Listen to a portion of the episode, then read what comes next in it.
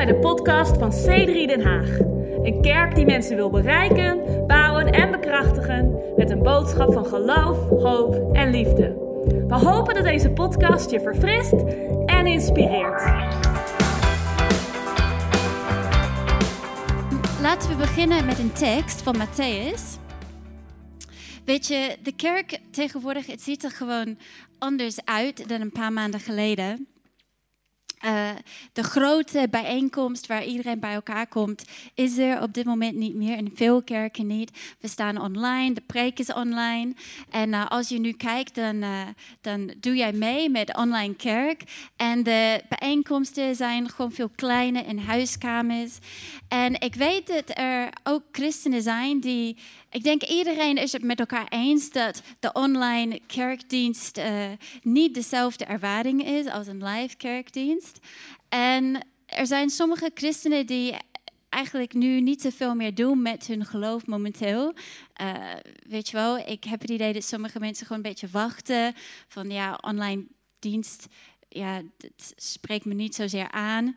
Uh, dus ik wacht wel totdat de kerk weer begint.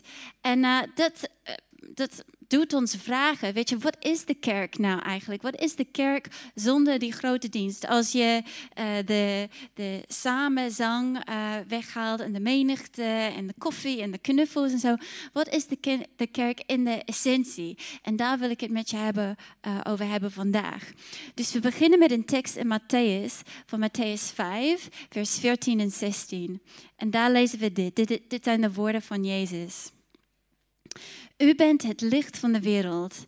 Een stad op een berg kan iedereen zien. Men steekt immers geen lamp aan om er vervolgens een emmer overheen te zetten. Die lamp moet toch op een standaard staan en licht geven voor iedereen in huis. Laat daarom ook uw licht voor alle mensen schijnen. Als zij dan de goede dingen zien die u doet, zullen zij uw hemelse vader eren. Nou, het is makkelijk om deze tekst te lezen en wij denken allemaal aan elektrische lichten. Maar in de tijd dat Jezus dit zei, een licht was natuurlijk, als je denkt aan een stad op een berg, de licht was, uh, dat waren allemaal lampjes, dat was vuur. Dat waren de open haren die allemaal aanstonden. En uh, uh, en licht voor de wereld, dit is een beeld van de kerk. Jezus zegt, ik ben het licht van de wereld. En uh, zijn licht schijnt in de kerk. Als een kerk moeten we zijn als een uh, brandende licht, als brandende vuur, dat warmte en licht brengt voor iedereen. En terwijl ik dacht aan, uh, aan een vuur en licht en als kerk zijn we zo, uh, moest ik denken dat er best wel veel overeenkomsten zijn eigenlijk tussen een vuur maken en hoe we zijn in kerk. Dus inderdaad, mijn titel is ja, de kerk in de fik. Um, en dus ik weet niet of jij ooit een vuur hebt gemaakt. Zijn er mensen daar die een vuur kunnen maken? Misschien kun je hand omhoog steken, ook hier in de zaal. Wie kan een vuur maken? Weet je, ik groeide op. Um, uh, ik ging steeds iedere vakantie uh, naar het huis van mijn oma. En zij had nog een hele oude kachel die je aan moest uh, zetten door een vuur iedere ochtend als je warm water in het huis wilde. Dus ik groeide op, regelmatig kijken naar mijn oma terwijl ze een vuur maakte. En ze maakte het zo makkelijk uitzien. gewoon heel veel krant- en dennenappels vooral. En uh, ze schudden dat vuur zo uit losse pols, om een mooie Nederlandse uitspraak te gebruiken. En uh, weet je wel, appeltje, eitje, nou, I'm on a roll. Uh, dat vuur, dat, brandde. Een paar jaar geleden kochten we een huis met een open haard. En ik zei super enthousiast, ah, ik maak het vuur, dat kan ik wel. Weet je, een beetje trots Nieuw-Zeelandse achtergrond. Ik, ik maak wel een vuur. Nou, ik moet zeggen, mijn eerste vuur, dat mislukte.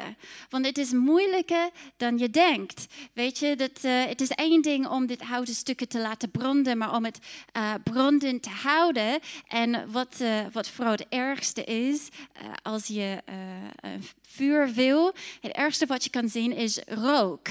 Wie herkent dat? Je, in plaats van vuur krijg je vooral heel veel rook. Dus ik dacht, ja, een vuur maken, hoe doe je dat? En uh, ik dacht, weet je, er is vast een YouTube-film over hoe je een vuur maakt. Dus ik, ik dacht, ik, ik ga er even opzoeken. En ik kwam op een hele grappige YouTube-film, geplaatst door, uh, door een organisatie. En dat heet The Art of Manliness. En daar moest ik best een beetje om lachen, want ik dacht, bestaat dat? Dat is toch niet helemaal politiek uh, correct tegenwoordig. Maar ik zocht even verder. Eerst dat, dat filmpje was zo'n oude man in echt een hele foute wollen trui en een moustache. Ja, serieus, een moustache. Die zat er en uh, hij zei, ja, this is Bert, Brett Berkeley telling you to stay manly. En toen legde hij uit hoe je een fur moest maken. Super grappig. Maar ik uh, ging even zoeken verder en ik kwam erachter, het was niet alleen maar één man die vond dat hij uh, uh, zeg maar de kunst van mannelijkheid moest delen in de wereld. Het was ook, het is een hele website blogs. Misschien mannen, let op. Misschien vind je het interessant om te checken. Als je naar de website zie je podcasts, hebben zelfs boeken verschenen. En sommige, ik heb sommige onderwerpen hier voor je. Over the art of manliness. Uh, bij de art of manliness kun je leren natuurlijk hoe je de beste steak maakt. En vooral de techniek van de omgekeerd schroeien denk ik, is interessant voor sommige mannen. Ook hoe maak je een baseballpet schoon? Hoe maak je een leren riem? Uh, de van gezichtshaar. Um, hoe ontwikkel je de savoir-faire van James Bond? Uh, dit was een interessante. Hoe stop je met hangen met vrouwen en begin met het daten van vrouwen? Kun je leren op de art of manliness. En dit vond ik het meest grappig. Was hoe val je in slaap in twee minuten of minder? Ja, blijkbaar, ik denk veel vrouwen zullen getuigen dat mannen inderdaad erg snel in slaap kunnen vallen. Maar goed, onder andere, dus uh, blijkbaar is hoe je een vuur maakt, is een hele mannelijke techniek. Ik heb de hele film gekeken en ik ga je de techniek laten zien. Ik moet je zeggen, na dit film hebben gekeken, ik voelde mezelf helemaal niet mannelijke daardoor. Maar goed, misschien werkt dit uh, niet alleen maar werkt het alleen maar voor mannen. Maar goed, dus we gaan kijken hoe je maak je een vuur. En ik ga je laten zien hoe dat lijkt op een kerk. En we beginnen, ik heb, ik heb dingen meegenomen. Het is hier, ik ga het even dichterbij brengen. Dus ik heb een paar stukken hout hier. En uh, allereerst, de eerste punt, en dit zag je waarschijnlijk aankomen, is om een goed vuur te maken heb je gewoon meerdere stukken nodig van hout. Het is heel erg moeilijk om. Oh my goodness, oké. Dat wordt voor mij opgehaald, dankjewel. Het is heel erg moeilijk om maar één blok hout uh, aan te steken. Bijvoorbeeld. Ik heb bijna standaard nodig. Hè? Wacht maar. Hoe ga ik dit doen? Uh, Oké, zo. Daar, kijk. Als ik gewoon zo doe, je weet dat gaat niet slagen. Hè? Gewoon, het is heel moeilijk om één blok hout aan te steken. Om een goed vuur te maken, allereerst heb je meerdere blokken nodig. Maar sowieso, het is, kijk, uh, één stuk hout is moeilijk om aan te steken, maar is ook moeilijk om brandend te houden. En het maakt maar zo'n groot, zoveel warmte en zoveel licht. Maar op het moment dat je meerdere stukken hout bij elkaar brengt, dan, uh, dan heb je veel meer kans van slagen. En daar begint het al. Zo is het precies met de kerk. Als jij in vorm en vuur wil leven voor God, het is één ding, uh, het is veel moeilijker allereerst om te leven voor Jezus in je eentje, om het te beginnen in je eentje. En het is nog moeilijker om in vuur te blijven voor God ja, als je geen andere contact hebt met andere christenen. Weet je, als christenen, je hebt gewoon andere christenen nodig om, dat, uh, om die passie voor God levend uh, te houden. En de allereerste tekst wat ik hierover wil voorlezen is van uh, Johannes 13, vers 34 en 35. En het zijn de woorden van Jezus. Hij zegt, dit is een nieuwe opdracht die ik jullie geef. Heb elkaar lief. Heb voor elkaar net zoveel liefde als ik voor jullie heb. Aan de onderlinge liefde zullen de mensen zien dat jullie mijn leerlingen zijn. Dus daar begint het al. Het is eigenlijk gewoon onmogelijk om Jezus te volgen zonder zijn andere volgelingen lief te hebben. Je kunt de woorden van Jezus niet, uh, niet doen in je eentje. We hebben elkaar nodig om van elkaar te houden. En die relatie is het allerbelangrijkste eigenlijk in de kerk. De relaties, de liefde die we voor elkaar hebben. En uh, ik kan je um, bemoedigen, weet je wel, voor, om elkaar lief te hebben, heb je niet uh, een hele grote dienst uh, nodig of heel veel mensen. Dat begint gewoon met twee of drie. Er is een andere tekst uh, die ook vaak wordt gestudeerd in Matthäus 18:20. Als twee of drie mensen bij elkaar zijn, omdat ze bij mij horen, ben ik bij hen. Uh, dus kan ik je bemoedigen in deze tijd? Weet je wel, misschien ga je uh, niet naar de grote gathering, de grote bijeenkomst, maar zoek wel de kleine bijeenkomsten op. Zoek op uh, andere christenen, andere gelovigen. Want daar begint het gewoon door elkaar lief te hebben. Dat is net zoveel kerk als de grote dienst. Dus hier begint het al. En dit heb ik geleerd op de Art of Manliness. Dat de beste manier om een vuur te maken is zo. Dus zie je dat? Heel mooi opgebouwd. Een beetje structuur. Soms heb je ook structuur nodig in je relaties. Hè? Als je, je laat het over aan spontaan, dan gebeurt het niet. Maar zie je gewoon contact. En wat je ook ziet, is deze, deze houten stukken, die, die leunen op deze stukken en deze op deze. En ik denk, voor mij is dit ook een beetje een beeld van dienen. Weet je, Jezus roept ons niet alleen om elkaar lief te hebben, maar ook om elkaar te dienen. Um, als je net tot geloof komt, dan zeggen we vaak, weet je, ga naar de kerk, want dat heb je nodig. En dat klopt, je, je hebt het nodig om gewoon het woord te horen en om bemoedigd te worden in je geloof. Maar er komt een, een moment waar je volwassen wordt in je geloof. En dan ga je naar de bijeenkomst of je gaat naar de, de gathering. Je zoekt elkaar op. Niet alleen maar om bemoedigd te worden, maar om een andere te bemoedigen, te bemoedigen. Je gaat om wat te geven. En net zo goed als ik zou kunnen zeggen: hey, zie, dit, uh, dit mooie stuk hout, uh, dat woord, als ik dit nou, ik ga het niet straks aansteken, maar stel dat ik straks zou aansteken, dan wordt dit stuk hout gewoon lekker warm en het blijft warm en heet door dit, dit hout eromheen. Maar je kunt net zo goed zeggen dat dit stuk hout, dat maakt dit houdt ook warm. Het is iets dat je voor elkaar doet. En ik denk dat een belangrijk moment is in je geloof. Dat je zegt, ik ga niet alleen maar naar de watchparty. Of niet alleen maar naar de dinnerparty. Of ik ga niet alleen maar mensen opzoeken omdat ik dit zelf nodig heb. Maar jij gaat erheen omdat je beseft dat jij ook een ander kunt bemoedigen in een geloof. Jij kunt ook iets anders betekenen. Of je kunt ook iets betekenen voor de ander. Dus ik wil je bemoedigen, als jij zit in een watchparty, wat doe je dat super goed? Blijf het maar doen, dat is waar kerk om draait. En als je nu kijkt alleen thuis, neem een moment deze week, bel iemand op, zeg, hey, laten we samen even bidden, weet je wel, laten we even koffie drinken. Want misschien soms spreken christenen en ze doen alsof ze eigenlijk de kerk niet echt enorm nodig hebben. Weet je, oh, ik wacht gewoon totdat, uh, totdat alle maatregelen weg zijn.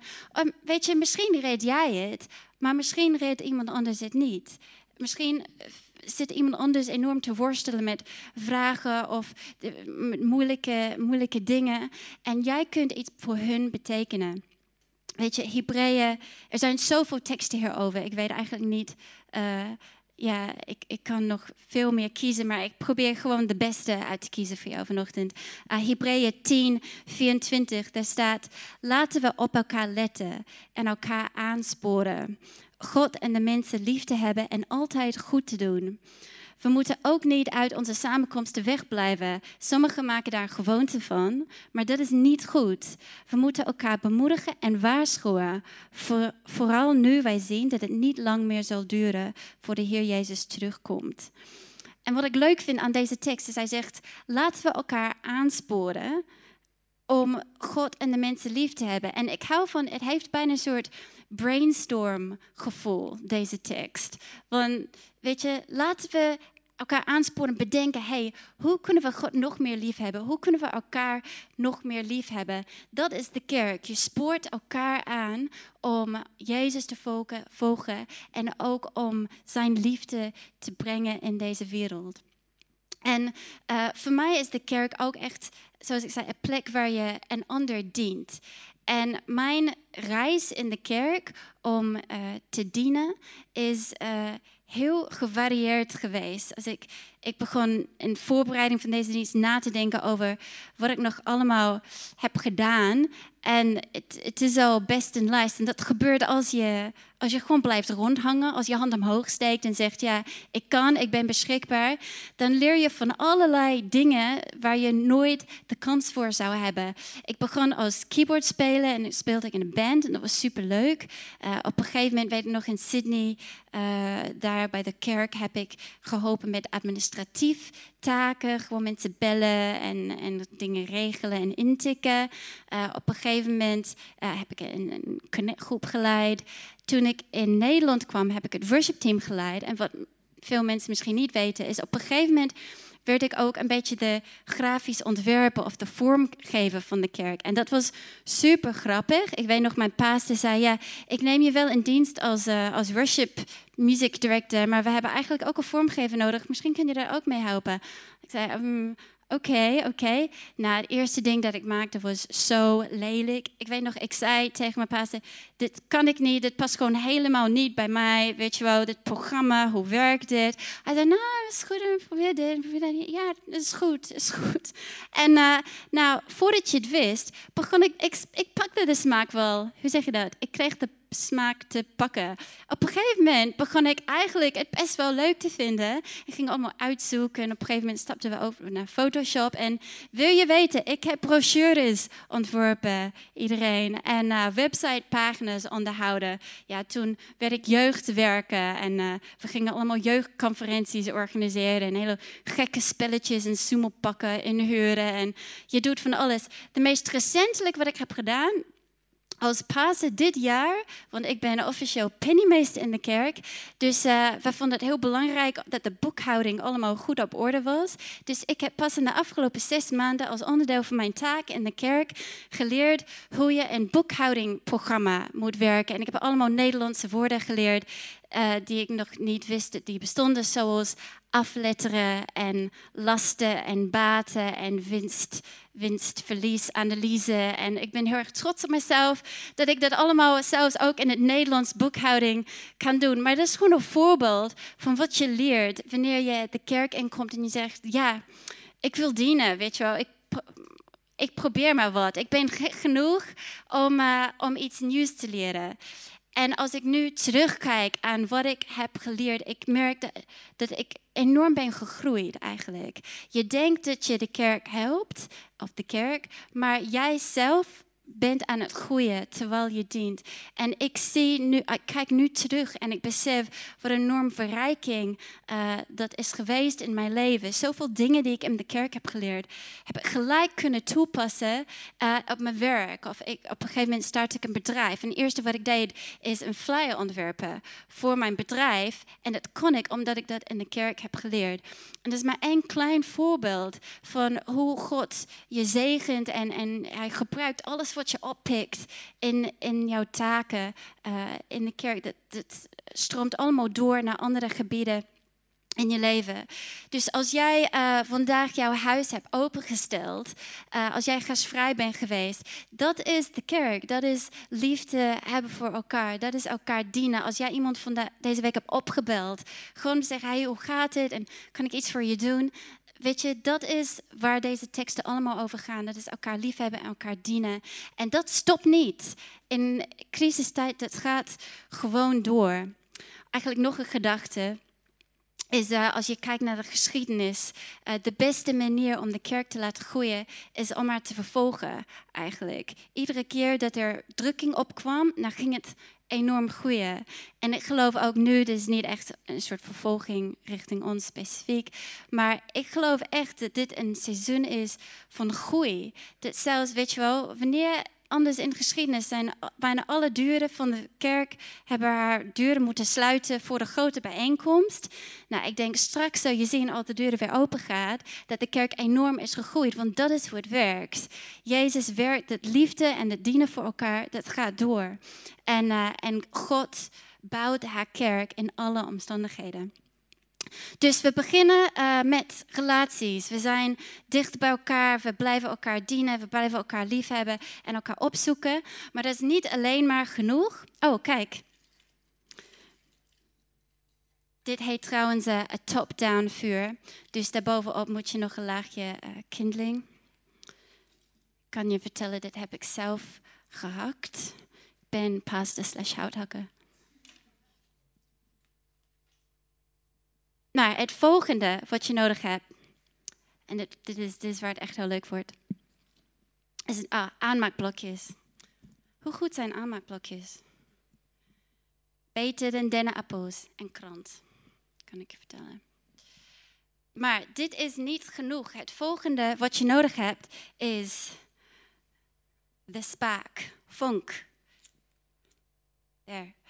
Weet je, op het moment dat je de vonk hebt, dan pas begint het met branden. En ik wil dat vandaag vergelijken met gebed en met aanbidding. Het is niet alleen maar genoeg om gewoon, je kunt bij elkaar komen en gezellige tijd hebben en samen eten. En dat is leuk.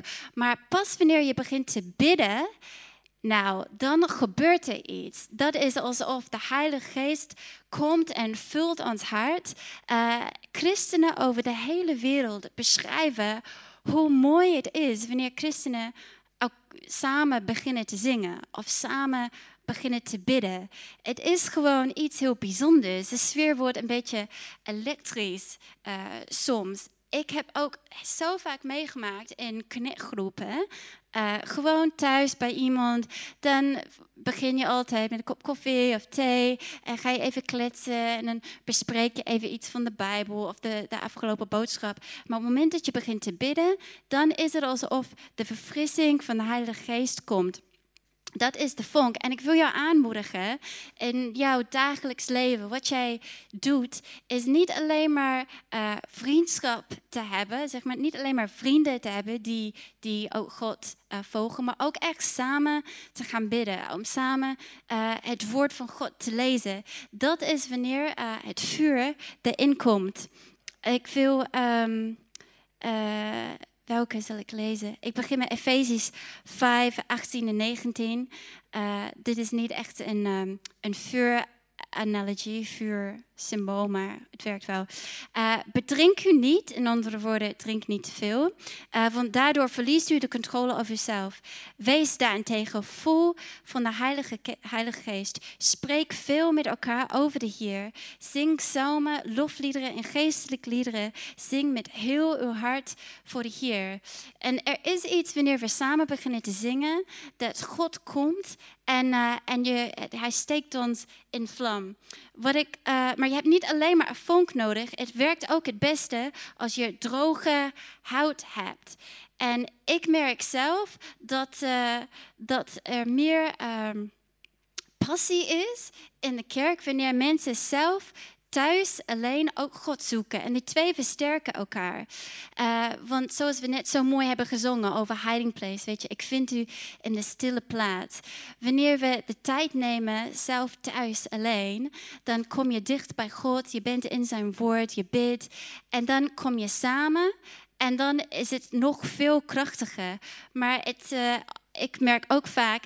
Um, als, uh, ik heb de mooiste momenten alleen met God als ik uh, in de kerk ben geweest. Na de grote samenkomst, dan ga ik vaak weer alleen bidden of alleen de Bijbel lezen. En dan spreekt het nog meer tot mij. Dus ik wil je aanmoedigen vandaag om, uh, om een droge houtstuk te zijn. Nee, maar om ook gewoon alleen uh, met God tijd te besteden. Zodat wanneer je samenkomt, uh, dan zegt uh, uh, de aanbiddingsleider, laten we zingen. Of zegt Lucas, laten we bidden. En dat er gelijk, wordt het gelijk weer aangestoken in je hart. soms weet ik hoe het is, je zegt, laten we bidden. En het is gewoon alsof er heel veel rook is in het gebouw. Terwijl iedereen, oh, ik moet opstarten, weet je wel.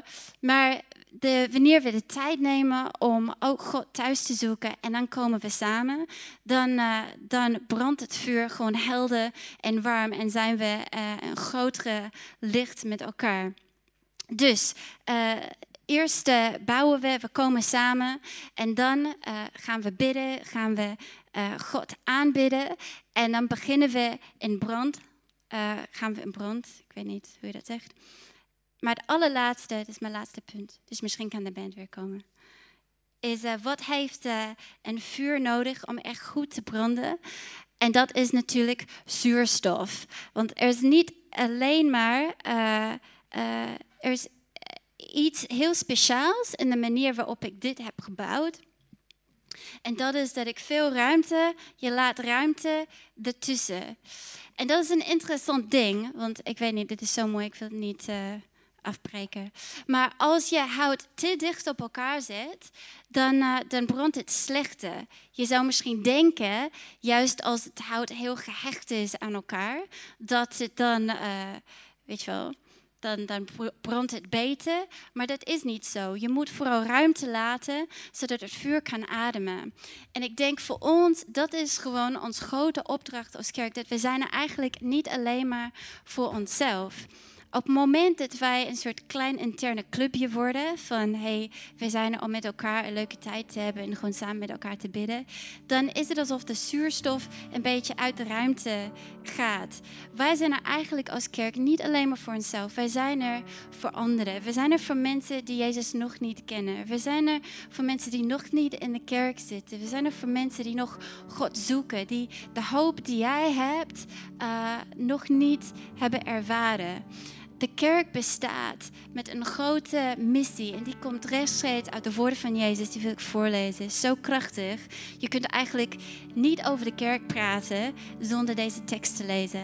Dit is van Matthäus 28, 18 tot 20. Jezus kwam dichterbij en zei tegen hem: Ik heb alle macht in de hemel en op aarde gekregen. Ga er daarom op uit om alle volken tot mijn leerlingen te maken Dopen in de naam van de Vader en de Zoon van de Heilige Geest. Leer hun altijd te doen wat ik u heb gezegd. En vergeet dit niet. Ik ben altijd bij u tot het einde van de tijd. Ga heen en maak discipelen. Weet je, voor, dit is een, een boodschap voor ieder christen. Dat wij eigenlijk continu, continu bezig moeten zijn met ons verhaal delen. Het klinkt misschien heel serieus, maak discipelen. Ja, wat is dat? Dat is eigenlijk niks anders dan gastvrij zijn en klaar zijn om iemand anders te delen wat Jezus voor jou betekent. Wat een leven met God met jou heeft gedaan. Wat is de hoop die jij hebt uh, gekregen toen jij God leerde kennen? Wat voor verschil heeft het voor jou uitgemaakt? Bedankt voor het luisteren naar deze podcast. Wil je er op zondagochtend ook een keer bij zijn? Je bent van harte welkom. Ga voor meer informatie naar c3denhaag.nl